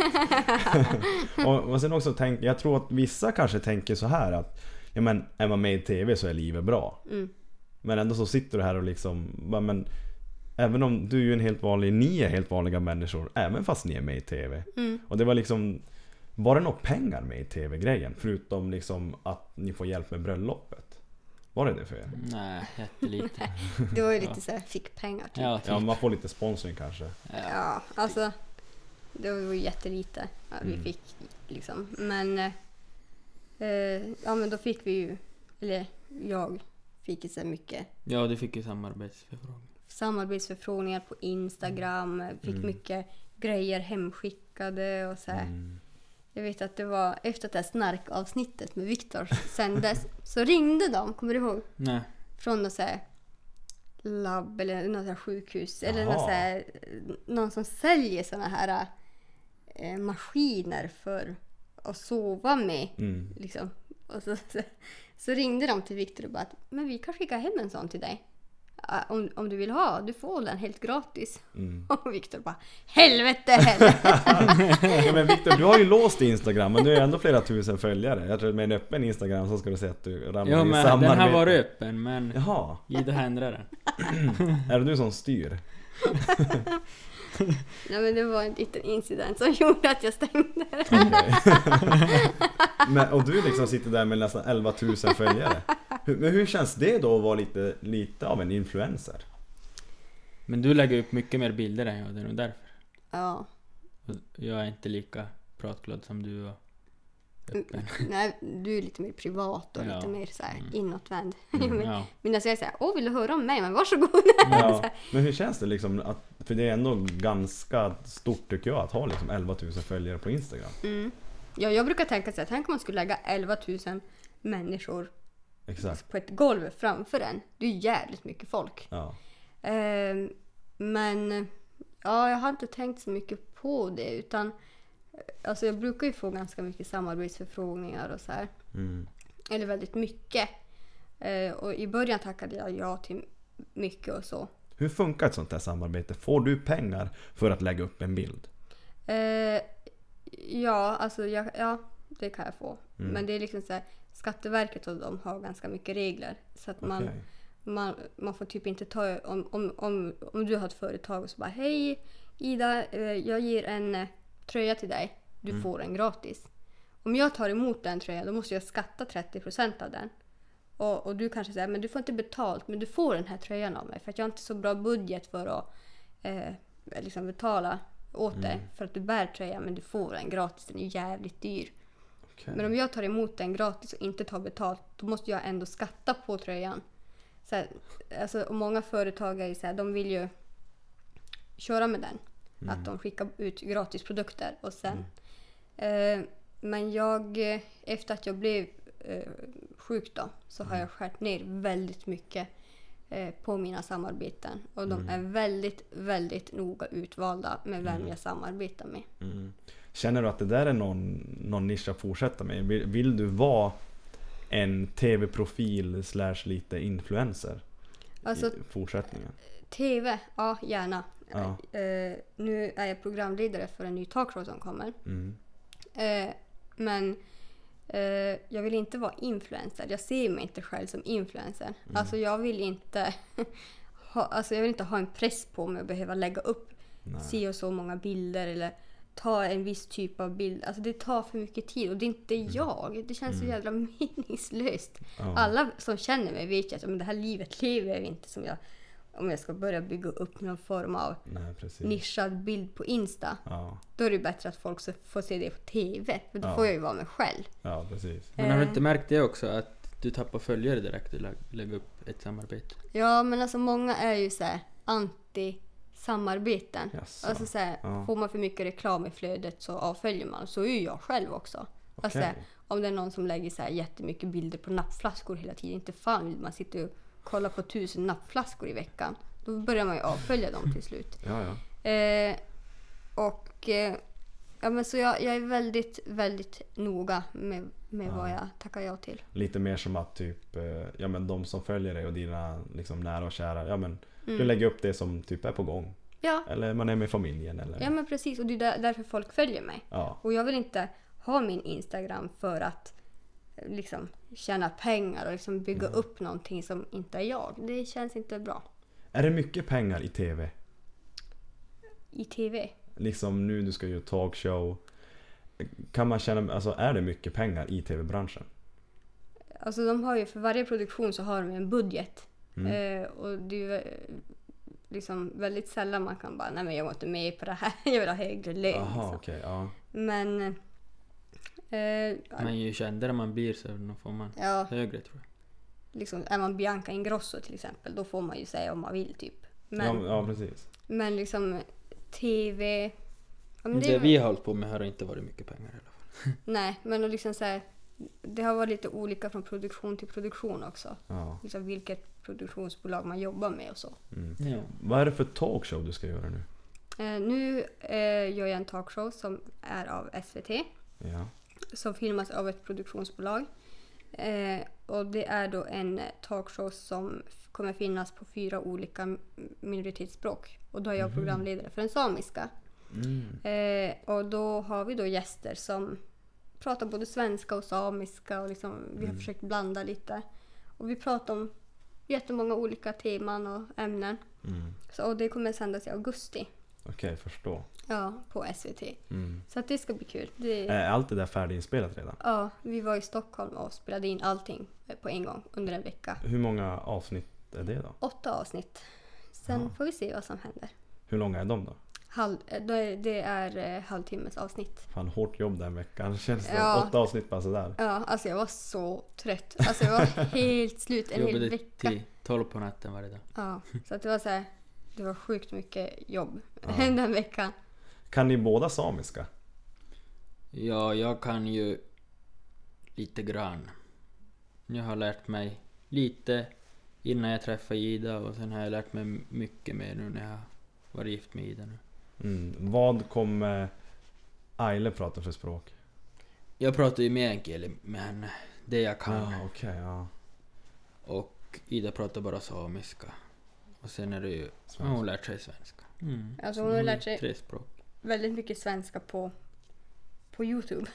Ja, Babblarna. Nej, det är ju fan inte, det är inte svenska. Det Det är är, ju inte- bara, det är bara ljud. Det var ljud. Men de ljuden har vi också haft.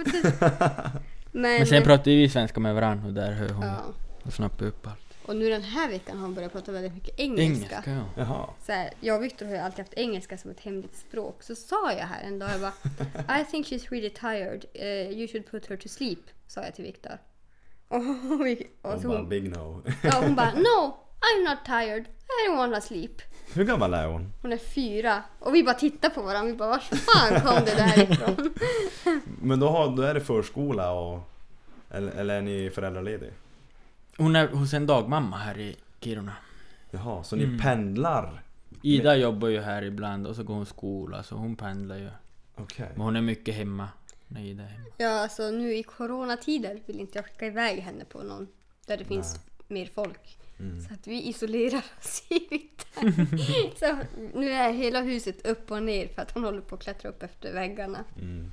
Eh, ja men samiskan är ju det är ju huvudspråket hemma hos oss. Mm. Och liksom Viktor förstår ju allting och Mm. har lärt sig prata väldigt, väldigt mycket. Och det som är så kul, första gången jag träffade Viktor, det var, det var under påskfestivalen i Kautokeino. Mm. Eller jag hade ju träffat honom så innan men eh, första gången vi hookade, eller vad man ska säga. Och eh, då pratade vi bara samiska med varann. Mm. För då var ju han så full. Så han pratade ju samiska med mig. Så då träffade jag honom på Kiruna-festivalen och då pratade han också bara samiska. Och sen så vaknade vi upp liksom på morgonen, så här festivallördagen. Och så kommer jag ihåg att jag låg där i sängen och tänkte jag bara vilket språk pratar han egentligen? För då började han prata svenska. Då var det lite så här. Vad ska jag prata för språk med Jag varit väldigt... För han har väldigt bra uttal och väldigt bra Mm. sådär. Så att det, ja, han har blivit jätteduktig med åren. Men Viktor, kan inte du ta oss igenom hur, hur du träffade Ida? För man får ju bara liksom höra lite grann där på, om man kollar Youtube. Charmören Viktor när du dammsög och... Ja just det, ja. Man kommer inte ens ihåg något mer, det är så länge. Hur träffades ni då? Om vi säger så. Hur träffades ni? Ja. Först var det ju i Kautokeino på påskfestivalen. Ja. Och det Där var hände ju... det väl lite grann men... Ja, men då var det så här, det var mer en fyllig grej sådär. Ja. Mm. Och då, då var, jag var ju så här, jag var ju så här, eh, wild and crazy i mina ungdomsår. Så att jag var ju så här, jag ville ju typ gärna byta kille dag två typ. Jaha. Eh, och då var ju han så här bara efter mig. Så var jag än var, då gick Viktor efter mig och så här stod och tittade på mig. Och han är ju inte så pratsam så han stod ju bara och glodde och så här tittade så här. Jag kommer ihåg den där blicken och alltså verkligen så här stirra ut mig hela tiden. Bytte jag plats. Nej, han gick ju efter mig hela tiden. Så till slut var jag så irriterad på honom. Bara, vad fan håller du på med? Kan du bara låta mig vara? skulle vi på efterfest, ja men då skulle ju Viktor följa med. Och det var ju så här, han var överallt och jävligt på. så jag var ju så irriterad. Så till slut sa jag till mina kompisar, jag bara, så, kan ni bara ta bort den där Viktor? Alltså, jag vill inte. Så att varje gång Viktor kom så ställde sig mina kompisar så här, som en mur mellan. så att Viktor inte skulle komma för Ja. nära mitt comfort zone liksom. Mm. Eh, men då liksom på Kiruna-festivalen samma år, två månader efter. Då var jag så glad när jag såg han. Så då ja, tog jag ju hem han till lägenheten och vi hade haft förfester. Det var lite saker som hade gått sönder. Det var något glas som hade gått sönder och proppen hade gått. Mm. Så Viktor kom dit och bara men fy fan så här kan ni ju inte bo. Så här kan ni inte ha det. Så då började han dammsuga upp allt glas. Och han bara det är helt mörkt här, man ser ju fan ingenting. Och jag bara men jag vet inte hur man byter en propp. Ja men då bytte han proppen och ja, sen vart han kvar där. Men hur tänkte du då Viktor när de började ställa mur framför Ida? Du, du var, Jag var så säker? full, jag kommer nog inte ihåg. Jaha, det är lätt att säga att man är för full. Men känns det som att nu efter bröllopet och TV och så här, ni har ju fått säkert det är utmanande också att vara så på varandra och, liksom, och, och inför folket liksom visa så bra sidor som möjligt. Känns det som att, att ni har hittat rätt med Alltså, varandra? Med varandra. Ja. Ja. med varandra, ja. Ja, annars hade vi nog skilt oss. Ja, men Men, det känns det som det. ja. För, för det, det du skriver Ida också i, i ett inlägg där på Instagram det är att Alltså det är mycket upp och ner. Och även, alltså, även om många strävar efter att bli så bra som ni är i sitt förhållande Så finns det ju faktiskt dagar där det är, där det är jobbigt. Men, men det du säger är att det ni har som är liksom så bra det är att ni håller ihop. Du, du, är ju, du har ju Viktors rygg i vått och torrt. Mm. Ja, det Alltså- är klart, det är jobbiga dagar ibland, men det är inte ofta det händer. Mm. Och då vill man ju bara skilja sig nästan. Men sen en timme efteråt så är man vänner igen. Och liksom, jag pratade med min mormor i, igår i telefon. Mm. Då sa hon det kommer komma dagar när du bara vill slänga ut gubbjäveln ut genom fönstret. Mm. Men gör det då. Men sen ska du öppna dörren och släppa in han igen. eh, men eh, Jag menar, det har också hänt redan för oss. Ta oss igenom den händelsen. Det är många gånger. Jag, jag känner Viktor känns så lugn men, men det är så här, hur kan du gå Ida på nerven? Men det var så här, jag var höggravid Mm. en gång. Och då har, har man ju hormoner som heter duga. Mm. Och eh, ja, men jag vet inte vad det var. Viktor gjorde nog inte något speciellt tror jag. Allting flög ut från trappan. Ja, Till och med skidorna. vi bodde mitt i stan och jag, jag var så arg så jag slängde ut till och med längdskidorna och åkte ut Mm. genom dörren. Ja, Viktor hade inte så mycket att säga. Så han packade in i bilen mitt i natten och åkte iväg. Och Fem minuter efter ringer det var Kom inte tillbaka. fem minuter. En det var ju- halvtimme kanske. Ja, men ett tag senare så gick jag och sov och så kände jag att det blev ju ganska ensamt. liksom. jag, ha- jag hade ju min stora mage och jag kände mig så ensam med den här magen. Mm. Så jag ringde Viktor och bara, var är du? Och jag bara, jag sitter på LK-parkeringen. Jag bara, vad gör du där? Jag ska sova här så är jag nära till jobbet. och då sa jag bara, men kom hem då. Och du åkte hem direkt? Ja, jag åkte. Jo. Jag visste att snart ringer hur, länge, hur länge har ni varit tillsammans nu? Jag vet inte. Sen 14 eller? Nu ska vi se om Viktor Ja, kan den här. år. Ja, jajamän. Men ni som har varit så länge, är ni och, och, och liksom ni är ju TV-profilerna, kan ni typ så här varandras favoritfärg eller? Ja, gud Ni känner ja. varandra utan och innan vid det här Ja, laget? det kan man säga. ja. Alltså det är ju... Ja, alltså vi känner varandra mer än väl skulle jag säga. En fördel kanske? Ja, och nackdel. Man kan ju inte liksom säga ljuga om någonting. Alltså, de Det ska mär- man inte behöva göra. Nej men alltså, liksom såhär inför jul och födelsedagar Ja, ja, såhär, då är det lite precis. jobbigt. Som det med frieriet. Ja. Mm. Fan han är otrogen. ja. Alltså man märker direkt att det blir en liten avvika, avvikande beteende. Eller? Ja. Eh, men eh, alltså vi har ju varit... Vi har ju, och liksom vårt förhållande var ju så hektiskt i början. Alltså vi fick ju... Vi blev ju med barn bara två månader efter att vi hade... Blev sambos nästan direkt. Mhm, Alltså vi mm. blev sambos direkt efter Kiruna-festivalen. Och det var inte så planerat kanske eller? Nej, utan alltså den här graviditeten. Jag blev med barn i augusti. Mm. Eh, och vi hade som hängt ihop sen Kiruna-festivalen då. Mm. Och eh, det var ju lite så här, det var ju en skräck. Vad fan jag är med barn nu så här tidigt.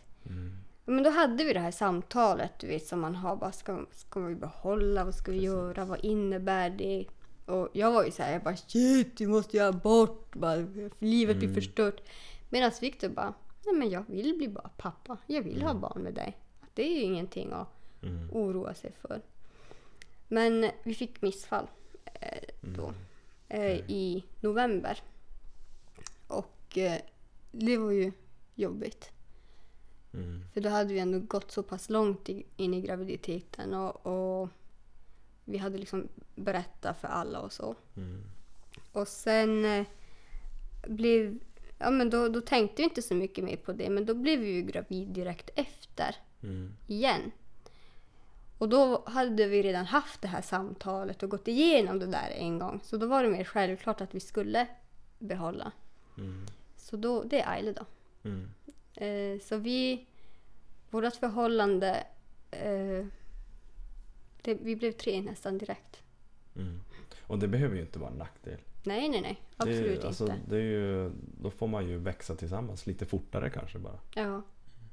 Och det verkar ni ju ha gjort. ja, men precis. Och liksom, men Viktor var ju... Alltså, jag hade precis tagit studenten och jag var ju så här, Men jag skulle till Afrika och volontärarbeta Ja. jag skulle bli... Jag skulle fan resa jorden runt och så här. Ja.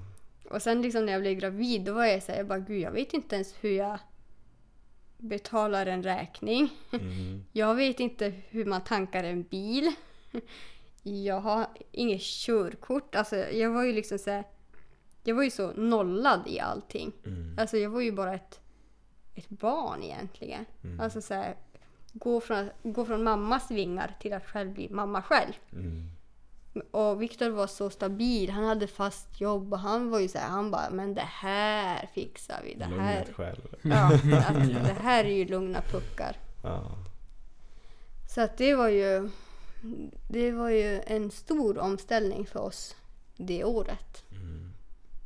Men Viktor, du då personligen, vi som ändå har jobbat ihop länge. Har du som Ida något, något du har dragits med eller känner du att ditt liv har varit på topp hela, hela livet? Eller har du någon sån där händelse även du har fått liksom jobba med dig själv? Och...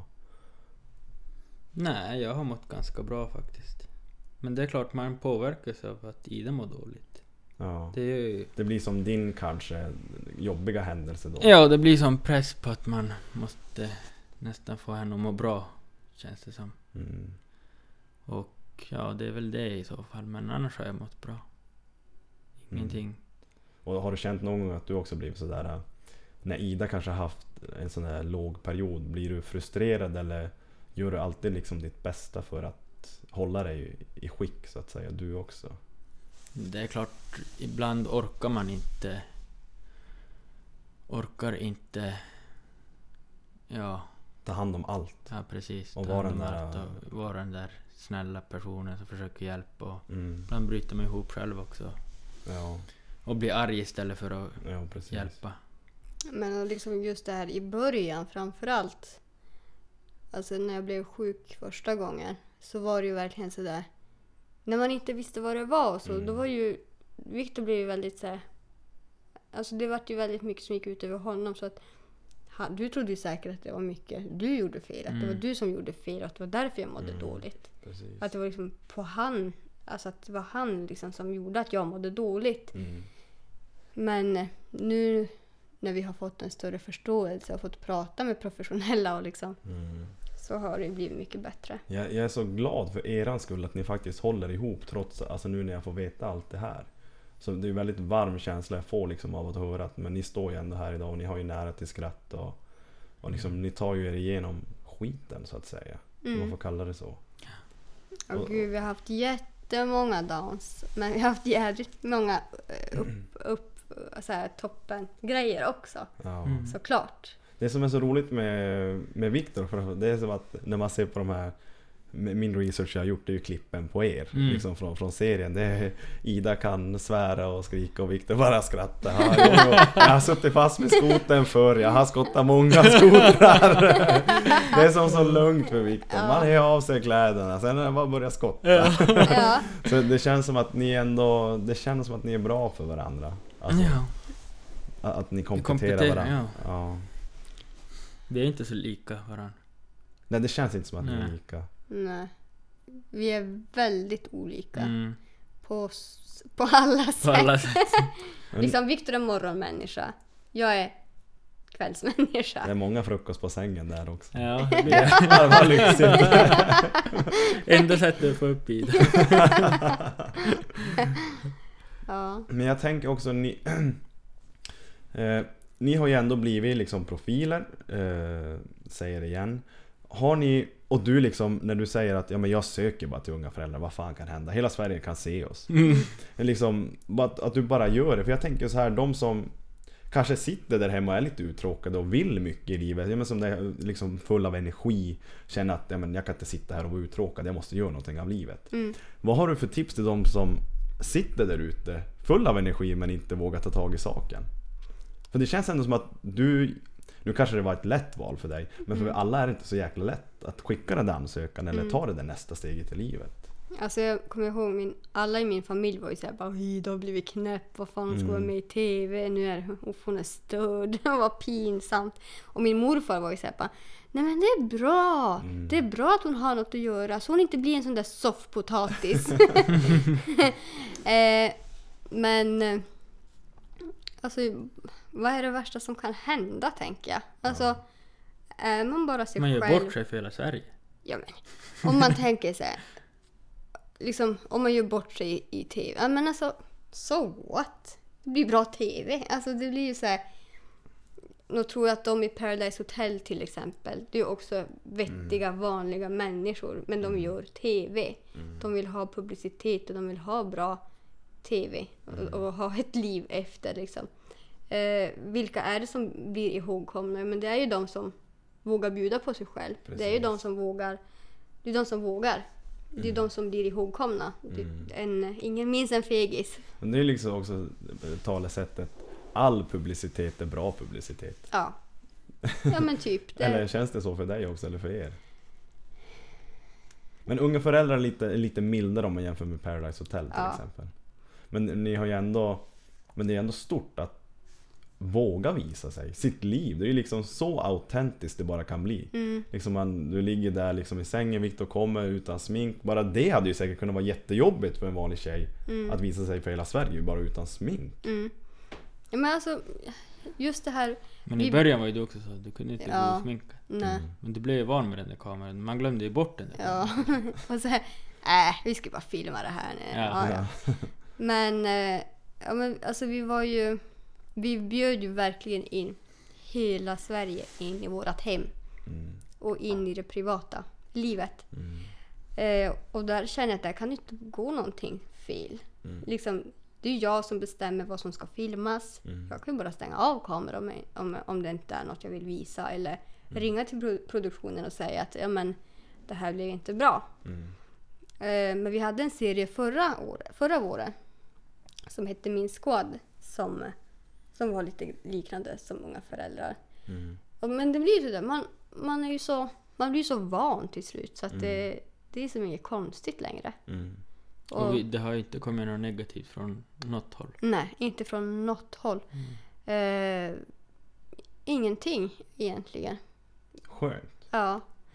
Så att det, det, Det har varit väldigt skönt. Men, så, så det du kan säga till dem där ute då, det är typ våga ta steget. För, Ja, och, och försöka ha tanken, men vad fan kan hända? ja var det Mm. Vad är det själv. värsta som kan hända? Ja, alltså det är ju bara gör det tänker jag. Alltså Ja. prova. Du kan ju hoppa av om det inte känns bra längre. Jo men precis, man vågar, vågar liksom satsa.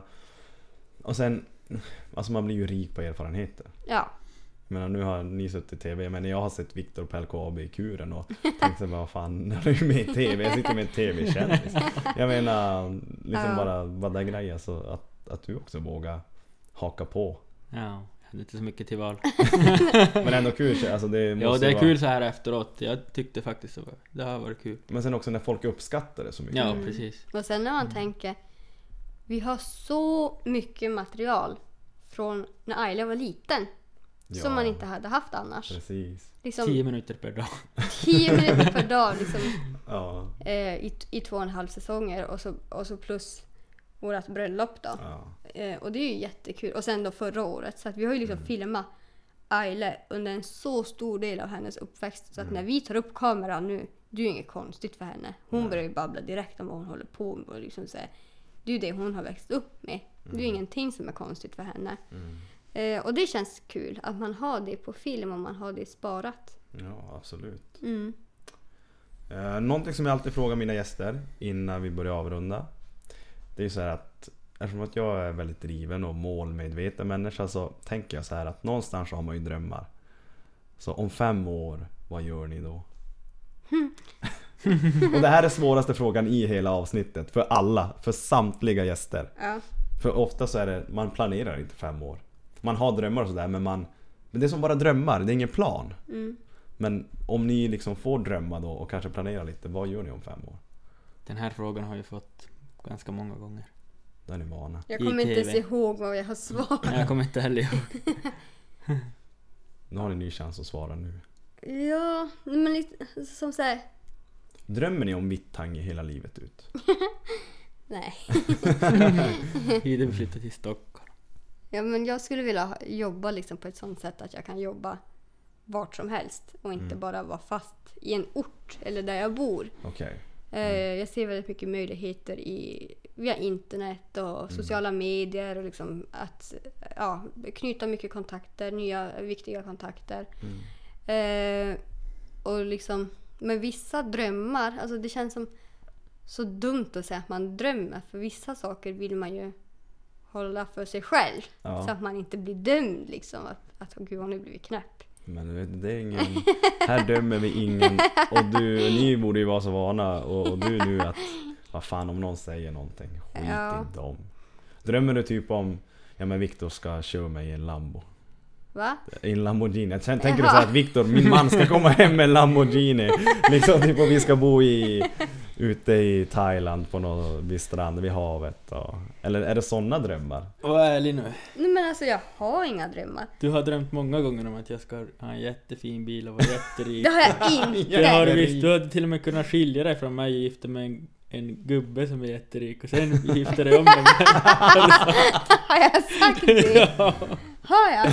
Ja just ja, typ en sån här gammal 90-årig gubbe som är jätterik och sen när han dör då ärver jag så. det, är min dröm. Nej men alltså så här, Men är det, det låter, är det pengar? Dras det till pengar? Nej det Jo. gör jag Men sluta! Det gör jag inte alls. Nej, det- Alltså så här, Men ni har väl ganska gott om pengar? Jag menar, du har, du har dina jobb, eh, men nu vet jag på ett ungefär vad Viktor kan tjäna på LKAB. Jag menar, bara din man drar ju in ganska mycket pengar. Men då gifte vi oss också. Det, lider vi av än idag. Men alltså så här, eh, Alltså drömmar. Alltså hur ska jag tänka? Jag, alltså, Om du typ sätter dig på solstolen på en men jag sommarfin hatar sommar. ju solen. Okej. men alltså vad är det, vad, vad, vad... eh, Hej vilt bara. Alltså vad, om du... Men om Viktor får börja så får jag tänka lite. Du har ju Ja. sagt att du vill ha ett sånt jobb så att du... Ja, ett, ett jobb Så- så jag inte eh, sitter fast Oj. i en ort liksom. Eh, och eh, fortsätta jobba med TV. Mm. Och... Eh, ja, Är det kändisskap? Nej, inte kändisskap. Alltså det är rätt så jobbigt. Mm. Men eh, liksom, jag vill vara färdigutbildad journalist om fem år. Mm. Eh, och eh, vad vill jag mer? Jag vill ha ett, ett eget byggt hus. Det vill jag ha. Arkitektritat. Ja. Eller? Nej men såhär... är själv. Ja men själv. Det var helt snett. Pippi-villa. Nej men ett, ett, ett eh, eget hus som eh, man har byggt, ritat och byggt från grunden själv. Vart ska det vara då? På jul så att man kan flytta runt på. Du vill så röra på dig? Ja, Men köp flera hus i flera städer då. jag är en Måste rita en rik husbil. gubbe först. Och så hitta rit, rik Ja. Nej men alltså jag har det här lite, jag vill som röra på mig. mm. Men jag känner ändå att, att jag är så präglad. Jag är så starkt präglad av min samiska bakgrund, min Mm. renskötarfamilj. Så att jag skulle inte kunna... Jag vet att när jag var yngre så var jag så här, men jag ska flytta till USA. Jag ska eh, bo i Los Angeles och bli skådis. Liksom. Mm. Det var det jag ville när jag sökte in på spetsutbildning teater i, i Luleå. Mm. Att jag ville bli skådis internationellt. Eh, och, och då... Eh, ja men så här, när, jag- alltså, jag är så starkt... Och, och, och, som när jag bodde i Luleå också, det kändes så långt borta från, från hem. Liksom bara det att det är inte samma miljö och natur. Och liksom, det är inte bara att dra på sig skidorna och åka runt och se fjäll till exempel, eller de här öppna vidderna. Utan Mm. det, jag är så starkt präglad av, av, av mitt hem. Mm. Och, och, Att ha liksom, nära hem. ja, och mina rötter. Ja. Och liksom ha, jag skulle jättegärna vilja bo i Stockholm rent arbetsmässigt och så. Mm. Men jag skulle aldrig kunna ta ifrån mina rötter Mm. och mitt, min familj och, och mitt hem. Liksom, Mm. Min bakgrund ifrån Aile. Mm. Och att hon ska växa upp i Stockholm och sen inte veta var hon hör hemma. Mm. Eh, så att jag är så starkt präglad av det och det begränsar mig väldigt mycket i mina drömmar. Liksom. Mm. Så det är därför jag säger att jag, jag skulle jättegärna vilja bo i Stockholm och jobba med TV där. Mm. Men, men det passar inte in i, i, mitt, i mitt hjärta. I- Liksom i vardagspusslet kanske också. Ja men Eller? inte vardags, alltså vardagspussel kan man ju få ihop ändå. Ja, ja. Men liksom det känslomässiga bandet Mm. hem. Mm. Och, och, och till där, alltså det är så svårt att förklara men till, Ja, men jag förstår liksom att... För det är väl liksom... Ayla ska få den samiska liksom Ja. bilden av... Eller upp, ja, men det som är samiskt kan man väl säga. ja, och liksom det här. Jag vill att hon ska veta alla hennes kusiner är. Och inte Mm. bara första kusiner, det ska vara andra, tredje och fjärde kusinerna Ja, också. Hon ska känna hela högen. Ja. Och hon ska ha bra relation till sin gammelmormor. Hon ska Mm. lära sig den här respekten till äldre. Hon ska, hon ska liksom ha den här liksom samma tankesätt som jag har växt upp med. Mm. Och eh, liksom det här med språket också. Flyttar jag till Stockholm med Aile, ja men då är jag den enda som pratar samiska med henne. Då blir det inte det här vardagsspråket som hon Nej. har nu. Nu pratar hon ju samiska hos dagmamman, hemma, hos mormor och morfar. Alltså liksom så här, överallt. Och, och liksom... ehm, så att det är väldigt svårt för mig att säga att ja, men när jag blir 60 ska jag flytta till Thailand. För att Mm. ja, jag skulle kunna ha, åka till Thailand någon gång. Mm. Men jag skulle inte vilja bo där för jag vill ju ändå åka skidor på våren hemma. Mm. Eh, alltså sådana. Du kan ju komma hem och åka skidor på våren. Resten av året. Det låter som att Viktor ska stanna här. Ja. Nej, men vi, hade ju, vi har ju haft väldigt mycket diskussioner så här, när jag vill plugga vidare. Att Mm. men jag vill flytta till Stockholm och gå typ tv och medieutbildning där. Mm. Och Viktor bara Nej, alltså jag ska bo här. Mm. Jag väntar här. Åk du, kom tillbaka sen. Ha det så bra där borta. eh, han är väldigt eh, orubbad. Alltså det går inte att rubba på den här stenen. Mm. Men jag kan inte flytta med renarna till Stockholm. Nej men alltså såhär, Det är det, därför jag vill stanna kvar. ja. Jag vill ju hålla på med renar. Ja. Och om jag skulle flytta till Stockholm då är det ju bara att ge upp det. Ja. Det är helt omöjligt att hålla på med renar därifrån. Hur, hur, Jag många kan inte köra en månader, drönare därifrån. hur många månader per år är det renjobb? Det är 365 dagar om året. Det är det? Ja, men är, är, är, för mig är det mer en hobby bara så jag... Jag har ju mång, mycket släktingar som hjälper mig mycket. Okej. Mm. Eh, Men är det nära Vittangi så att du har nära och... och Jo, det är ganska nära. Okej, ja. Mm. Och nu har jag renar på matning så...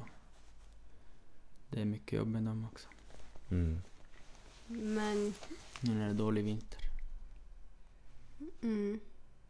Men det är liksom så här som jag hade när jag var yngre och liksom höll på att flirta runt med killar och så här. Då var det liksom helt okej Mm. vem det var. Liksom så här. Det Mm. spelade liksom ingen roll. Eh, men då vart jag så här, eh, men som min familj också sa, liksom att åh vad skönt att du skaffar barn med en som är liksom hemifrån. Mm. Som liksom är nära hem, alltså som, är, som vi vet vem han är och vi vet liksom så här, att det är så skönt att du inte har hittat en skåning Ja, och skaffa barn med honom efter två månader. Mm. Att det hade ju varit helt annat. Bara, vem är det? Hur ser de ut där nere? Alltså, ja, jo, vad, vad har han för liksom värderingar och så här. Mm. Alltså jag tror att när man har växt upp här uppe, Mm. same eller inte, så har man ett visst tankesätt. För Mm. naturen här och för, Mm. liksom, eh, för sina medmänniskor. Man har liksom så här en...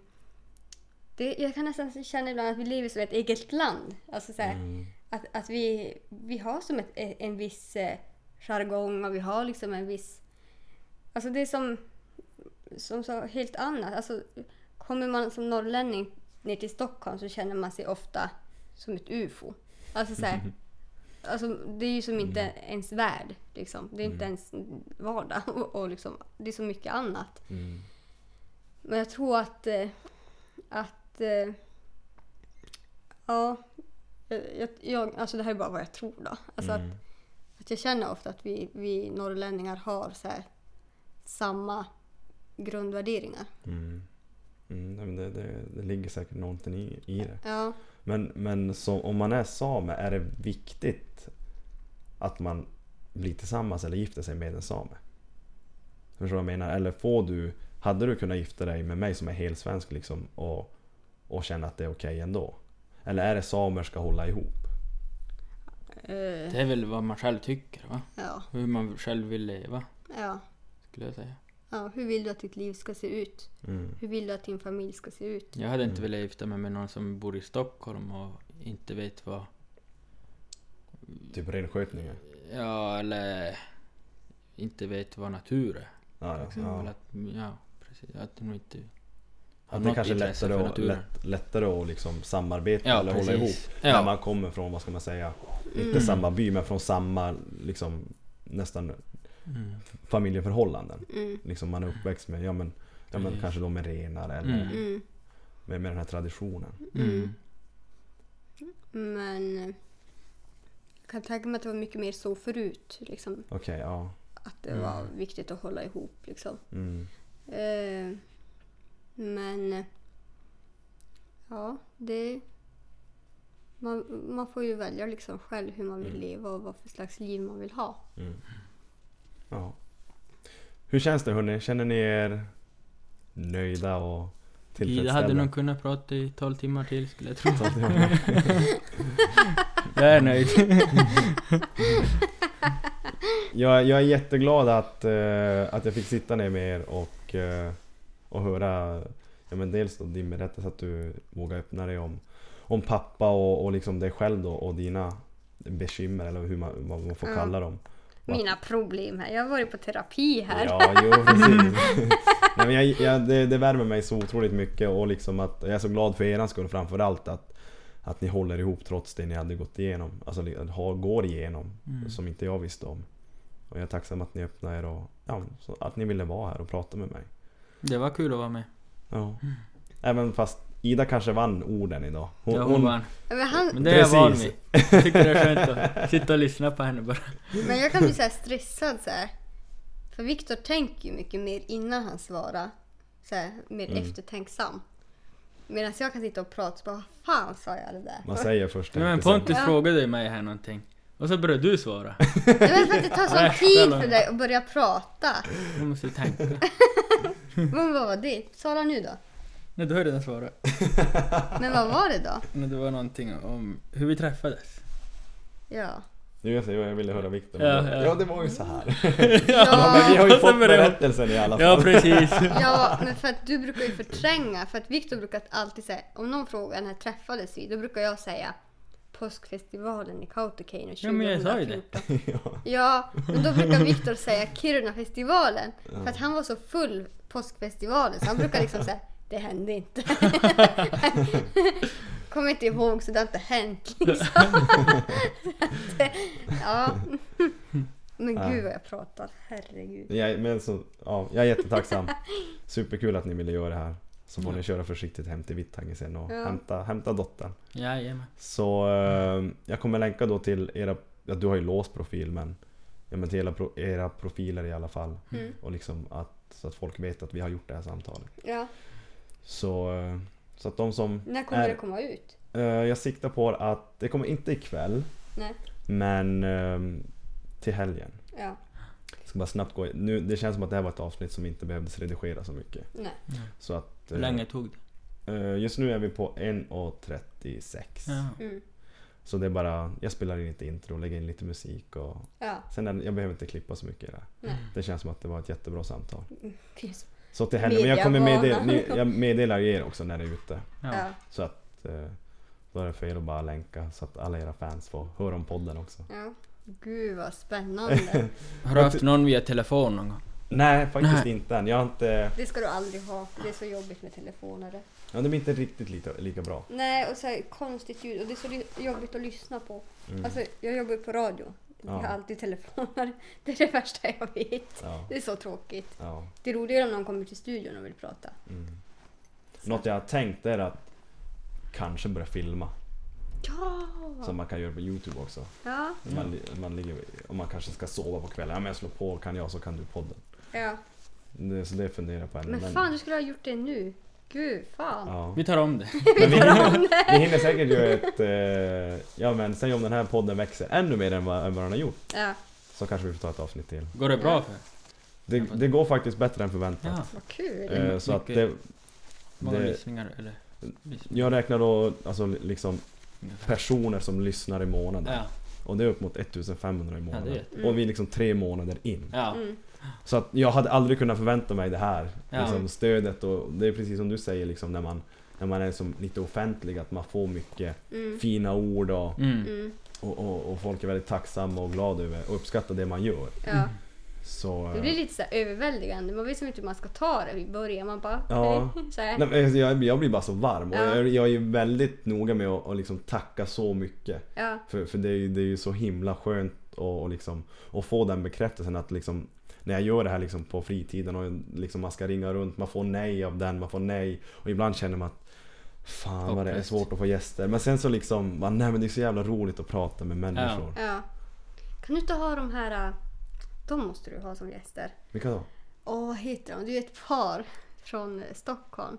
Som är så här kulturarbetare på typ Aftonbladet och Expressen. Som har flyttat upp hit till Kiruna. Okej. Eh, för att typ testa leva som norrlänningar. Jaha. Åh gud, vad heter de? Men vi gör så här hörni. Vi avslutar podden Ja. och så berättar vi, så får du ta det där sen Ja, Ida. ja, du spelar in fortfarande? Ja, jag spelar in. Ända tills man säger tack och hej. Jaha. Ja, så tack så mycket Viktor och Ida. Superglad att ni ville göra det här. Ja, Tack själv. tack själv. Och ni där ute, vi hörs. Hej.